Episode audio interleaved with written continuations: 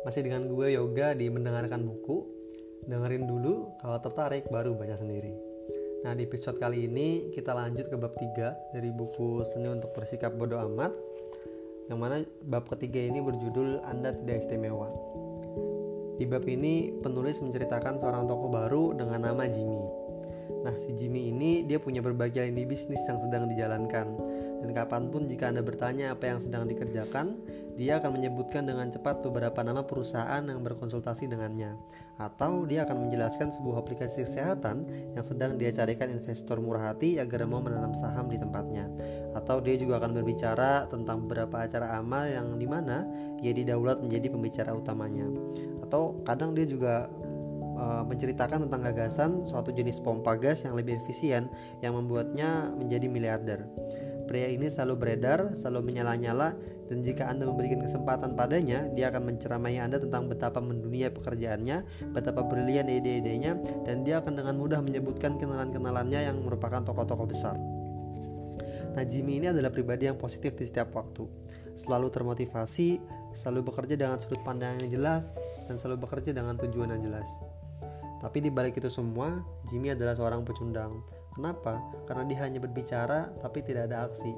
Sebagian besar waktunya diisi dengan mabuk-mabukan, dengan menghamburkan uang di bar, dan seraya berusaha membuka orang dengan ide-ide bisnisnya. Jimmy secara simpel adalah seorang penipu profesional, yang mana dia menghidupi keluarganya dengan uang-uang yang tidak jujur, dengan menipu orang dengan ide-ide palsu yang dia akui, atau dengan uh, memperalat orang lain untuk menanamkan saham, yang mana bisnis ini juga tidak akan dia kerjakan seperti itu. Tapi meskipun demikian, pria ini telah melakukan kesehariannya tadi selama bertahun-tahun, bahkan bisa membiayai pacarnya, bisa membiayai biaya dia untuk mabuk-mabukan, untuk berjudi dan sebagainya dari uang menipu tadi. Tapi kacaunya, Jimmy merasa nyaman-nyaman saja. Kepercayaan dirinya tak lebih hanya waham dalam otaknya.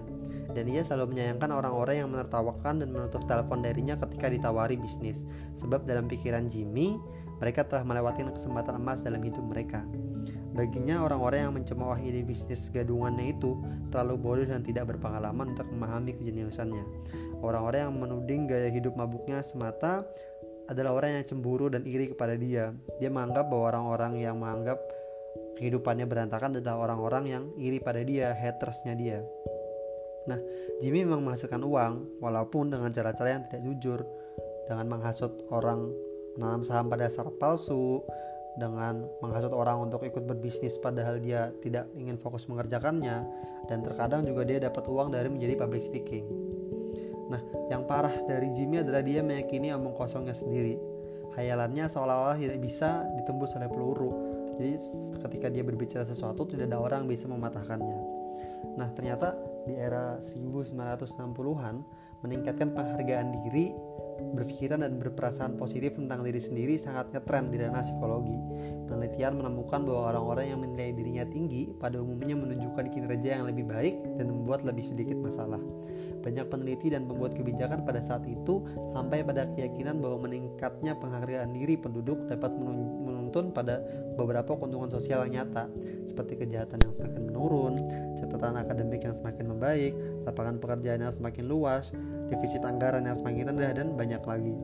Dan sebagai hasilnya, di awal dekade 1970-an, praktik penghargaan diri ini diajarkan oleh para orang tua, ditekankan para terapis, dilakukan para guru dan sehingga pada akhirnya sampai ada contoh uh, suatu kurikulum di di Amerika yang disebut sebagai Great Inflation di mana mereka akan menganugerahi uh, anak-anak kecil atau anak-anak yang mereka tidak terlalu berprestasi dan ketika diberi pekerjaan yang mungkin konyol seperti menulis uh, mengapa mereka pribadi yang istimewa atau lima hal yang mereka suka tentang diri mereka sendiri mereka akan mendapatkan reward dari sana. Mereka akan mendapatkan piala-piala yang sebenarnya tidak ada artinya. Karena sebenarnya itu adalah prestasi yang hanya dibuat-buat. Nah namun setelah berganti generasi berikutnya terbacalah sebuah data yang berkata bahwa tidak ada dari kita yang istimewa ternyata sekadar merasa bahagia atas diri Anda sendiri tidak berarti apa-apa, kecuali jika Anda memang memiliki satu alasan yang bagus untuk merasa bahagia atas diri Anda sendiri. Jadi pada kenyataannya, kemalangan, kegagalan sungguh berguna dan bahkan diperlukan untuk membangun seseorang menjadi orang dewasa yang tangguh dan sukses. Faktanya dengan mengajarkan orang untuk yakin bahwa diri mereka istimewa, merasa diri mereka sudah baik, tidak menjadikan suatu populasi penuh dengan orang-orang sukses seperti mungkin Bill Gates atau Martin Luther King. Ini justru menciptakan satu populasi penuh dengan pria seperti Jimmy karena mereka merasa bahwa diri mereka istimewa, mereka merasa bahwa diri mereka adalah orang yang baik, tanpa berusaha. Mereka menganggap bahwa mereka adalah orang-orang yang terpilih tanpa harus bersakit-sakit, tanpa harus menderita. Mereka adalah orang yang dipilih untuk menjadi sukses. Seperti contohnya Jimmy, sang pendiri perusahaan yang delusi yang menghisap ganja tiap hari, yang tidak memiliki keterampilan menjual yang nyata, selain berbicara pada dirinya sendiri dan meyakininya. Jimmy tipe pria yang meneriaki rekan kerjanya dengan alasan kurang dewasa dan kemudian menggunakan kartu kredit perusahaan hingga batas maksimal. Jimmy yang dalam waktu singkat dijauhi bibi dan pamannya karena terus meminjam uang. Jimmy yang dalam waktu singkat dijauhi teman-temannya karena sering mengelabui dan Jimmy yang akhirnya dijauhi rekan-rekan bisnisnya karena banyak yang kecewa. Dia adalah Jimmy yang percaya diri dan memiliki penghargaan diri yang terlalu tinggi. Jimmy menghabiskan banyak waktunya untuk berbicara mengenai, mengenai betapa baiknya dia, sehingga dia lupa untuk benar-benar melakukan sesuatu. Yang menjadi masalah dengan gerakan peningkatan penghargaan diri ini adalah bahwa ukuran yang digunakan berdasar pada seberapa positif orang melihat diri mereka sendiri. Namun ukuran yang benar dan akurat untuk penghargaan diri seseorang sesungguhnya terletak pada bagaimana orang tersebut memahami aspek negatif dari diri mereka sendiri. Jika seseorang seperti Jimmy merasa sungguh baik selama 99,9% dalam hidupnya, meskipun hidupnya hancur berantakan di sekelilingnya, Lalu bagaimana itu bisa menjadi alat ukur yang valid untuk sebuah hidup yang sukses dan bahagia? Jika seseorang menganggap bahwa hidupnya baik-baik saja, menganggap bahwa dirinya istimewa, walaupun hidupnya berantakan, dia merasa dia tidak salah. Sehingga pada akhirnya dia menyalahkan keadaan, dia menyalahkan orang lain.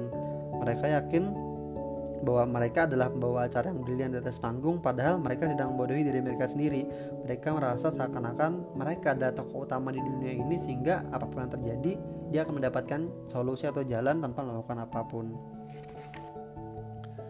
orang-orang tersebut menampilkan sebuah kepercayaan diri di level delusional di level menghayal Percayaan diri semacam ini bisa menarik orang lain, setidaknya untuk sementara waktu.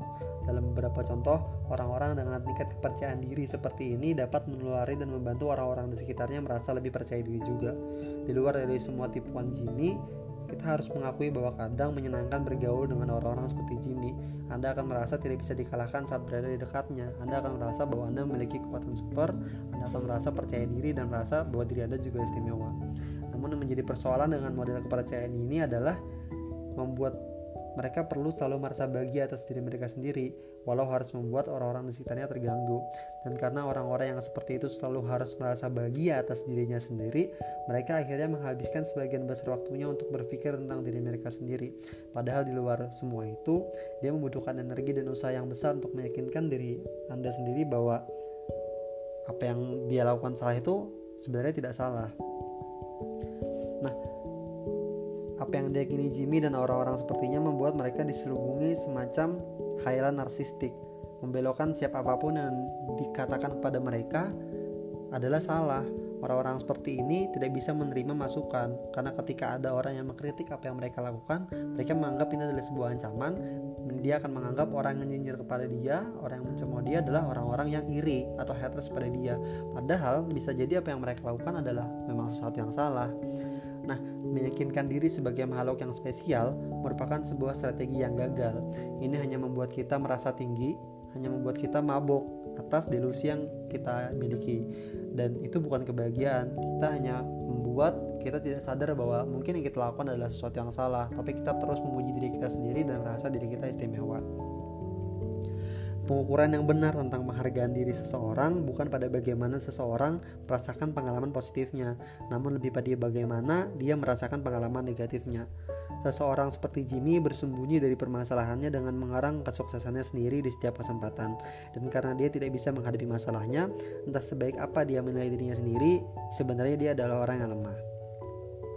Seseorang yang benar-benar memiliki penghargaan diri yang tinggi mampu melihat bagian negatif dari pribadinya secara belak-belakan seperti ya kadang saya tidak bertanggung jawab soal uang atau kadang saya melebih-lebihkan kekuasaan saya ya saya terlalu bersandar kepada orang lain dan seharusnya saya bisa mandiri kemudian bertindak memperbaikinya jadi ketika orang sadar bahwa dirinya tidak istimewa bahwa dirinya punya hal-hal negatif, pada akhirnya dia akan berusaha lebih. Dia sadar bahwa ada hal buruk dalam dirinya yang perlu diperbaiki. Namun dengan orang-orang yang mabuk atau orang-orang yang merasa dirinya istimewa tadi, dia tidak akan melakukan introspeksi diri. Mereka tidak akan memperbaiki diri mereka sendiri. Dan pada akhirnya kenyataan akan menghantam Anda dan masalah-masalah yang mendasar akan menampakkan dirinya lagi. Kali ini dengan lebih jernih. Ini hanya perkara kapan dan seberapa sakit itu nantinya. Jadi jika kita selalu menganggap diri kita istimewa tidak pernah salah, kita hanya menunda dan menumpuk kesakitan yang mungkin akan kita dapatkan saat kala tua nanti.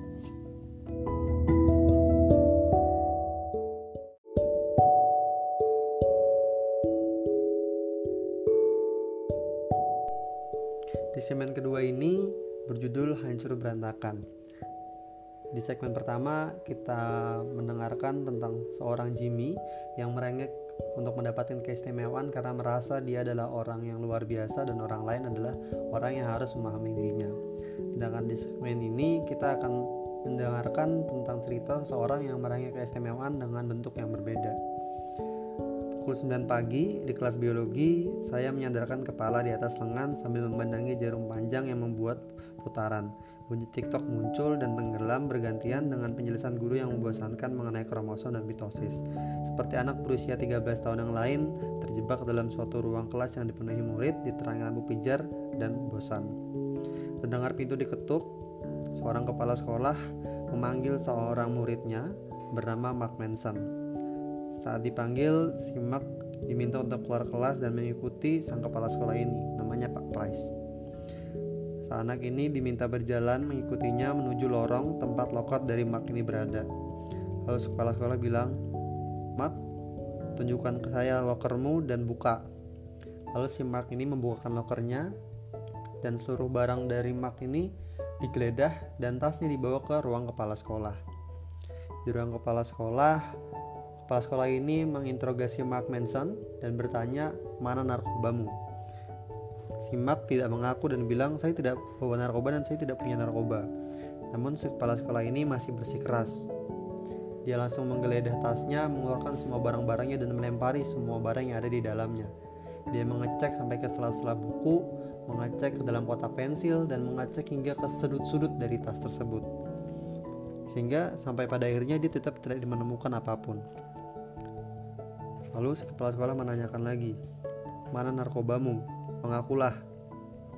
Lalu si Mark menjawab, saya tidak tahu apa yang sedang Bapak bicarakan, saya tidak tahu sama sekali. Lalu si kepala sekolah ini bilang, kita lihat saja nanti. Kalau kamu mengaku sekarang, mungkin masa depanmu akan lebih baik. Tapi jika kamu berbohong dan ketahuan, mungkin masa depanmu akan hancur. Singkat cerita, si Mark ini ternyata pada masa kecilnya adalah seorang pembohong Walaupun dia adalah murid yang cerdas, dia adalah murid yang nakal. Dia sering berbohong, dia sering kabur dari rumah, dan bahkan dia pernah meretas sistem keamanan rumahnya sendiri agar bisa kabur dari rumahnya. Dan kadang mengajak teman-teman di sekitarnya juga ikut nakal, yaitu mungkin mencuri rokok dari orang tuanya lalu menjualnya di sekolah, kabur tengah malam, mencuri di supermarket, dan lain-lain. Hingga pada akhirnya sang kepala sekolah ini terlihat menyerah untuk menemukan barang yang ingin dia temukan. Namun di saat-saat terakhir, dia menginjak tas dari si Mak ini dan merasakan ada sesuatu di dalamnya. Lalu ketika dia mengecek bagian bawah dari tas ini ternyata ada kantung rahasia. Setelah dibuka, si kepala sekolah ini menemukan adanya narkoba. Lalu singkat cerita, si murid ini dibawa ke polisi dan karena masih di bawah umur sehingga hukumannya hanya ringan. Jadi simak ini dikeluarkan dari sekolah dan harus menghabiskan semesternya itu untuk homeschooling atau belajar di rumah. Sering berjalannya dia bersekolah di rumah karena dikeluarkan karena dia ketahuan seorang bandar narkoba, orang tuanya bercerai. Namun tidak ada suara yang meninggi, tidak ada piring yang pecah, dan tidak ada teriakan-teriakan di rumah ketika orang tuanya bercerai. Semuanya seakan baik-baik saja. Dan penulis mungkin menggambarkan kalau tiba-tiba rumahnya kebakaran, mungkin semua orang akan tetap tenang dan hanya bicara, "Wah, kita kebakaran, sedikit hangat, ayo kita keluar." Tidak ada sama sekali teriakan-teriakan dan tidak ada sama sekali emosi yang muncul di sana. Dan kondisi-kondisi seperti inilah yang menurut penulis tidak boleh dilakukan. Karena ketika ada masalah dan kita memilih untuk diam dan tidak membicarakannya, alam bawah sadar kita menganggap bahwa ini adalah pengalaman yang traumatis tidak akan selesai dan akan tetap ada di tubuh seseorang. Keluarga Mark Manson ini adalah keluarga yang sangat baik-baik, bahkan saat si Mark ini menguping, orang tuanya bilang bahwa tidak ada di antara kita yang selingkuh dan itu baik. Hanya saja kita tidak bisa bersama lagi. Karena pengalaman traumatis ini, Mark harus diterapis. Dan kata terapisnya ini adalah pengalaman yang sangat buruk, adalah pengalaman yang traumatis.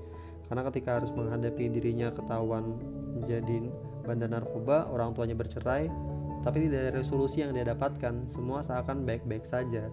Padahal banyak sekali hal yang berantakan di sekitarnya. Dan sang terapis bilang mungkin Simak akan 10 tahun menghadapi trauma ini dan harus melawan trauma itu. Nah, rasa sakit dari remaja yang dirasakan oleh penulis menuntunnya kepada jalan keistimewaan sepanjang masa dewasa awalnya. Dan mirip dengan keistimewaan Jimmy bermain di kancah dunia bisnis di mana dia berpura-pura sukses besar, keistimewaan saya ada di dunia percintaan dengan para wanita. Jadi karena di masa kecil dia merasa tidak pernah mendapatkan emosi, mendapatkan perhatian, mendapatkan uh, apa yang dia inginkan yaitu cinta karena di keluarganya biasa-biasa saja bahkan ketika cinta yang menyatukan keluarga itu putus, orang tuanya bercerai, tidak ada emosi yang keluar, tidak ada resolusi yang dia dapatkan. Sehingga ketika si Jimmy tadi membual di dunia bisnis, si Mark ini dia membual di dunia percintaan. Dia mengencani banyak sekali wanita, merasa dia pantas untuk mendapatkan kasih sayang, walaupun kehidupannya sangat-sangat berantakan. Dia tidak punya pekerjaan, sering numpang tinggal di rumah ibunya, minum minuman berlebihan dan sebagainya.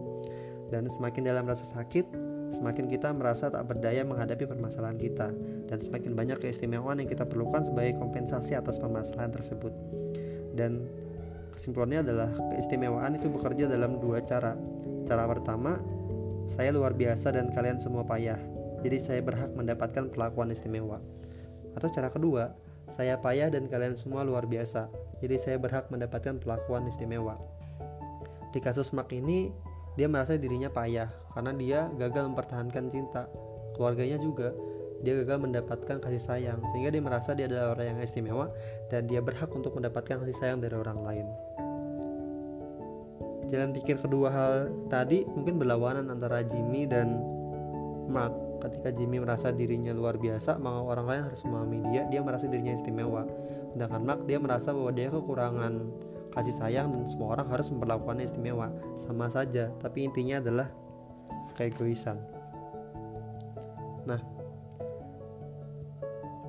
namun entah kenapa akhir-akhir ini uh, banyak sekali permasalahan keistimewaan ini muncul di masyarakat.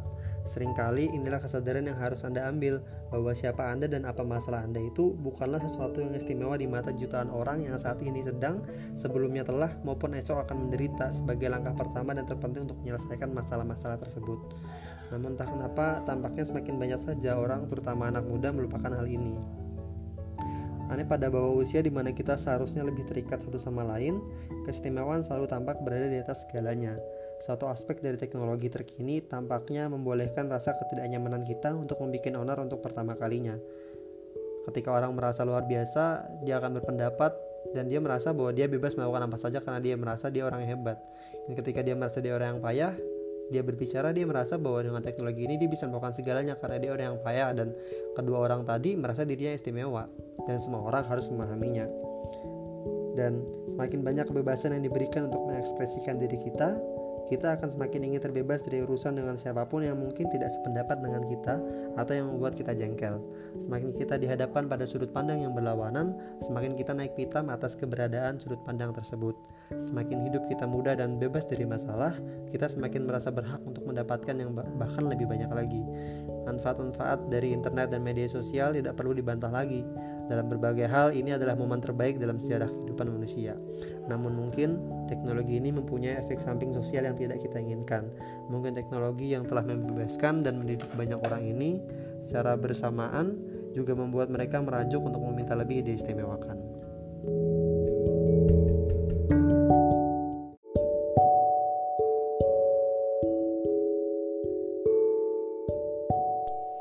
Segmen ketiga ini berjudul Tirani Keistimewaan.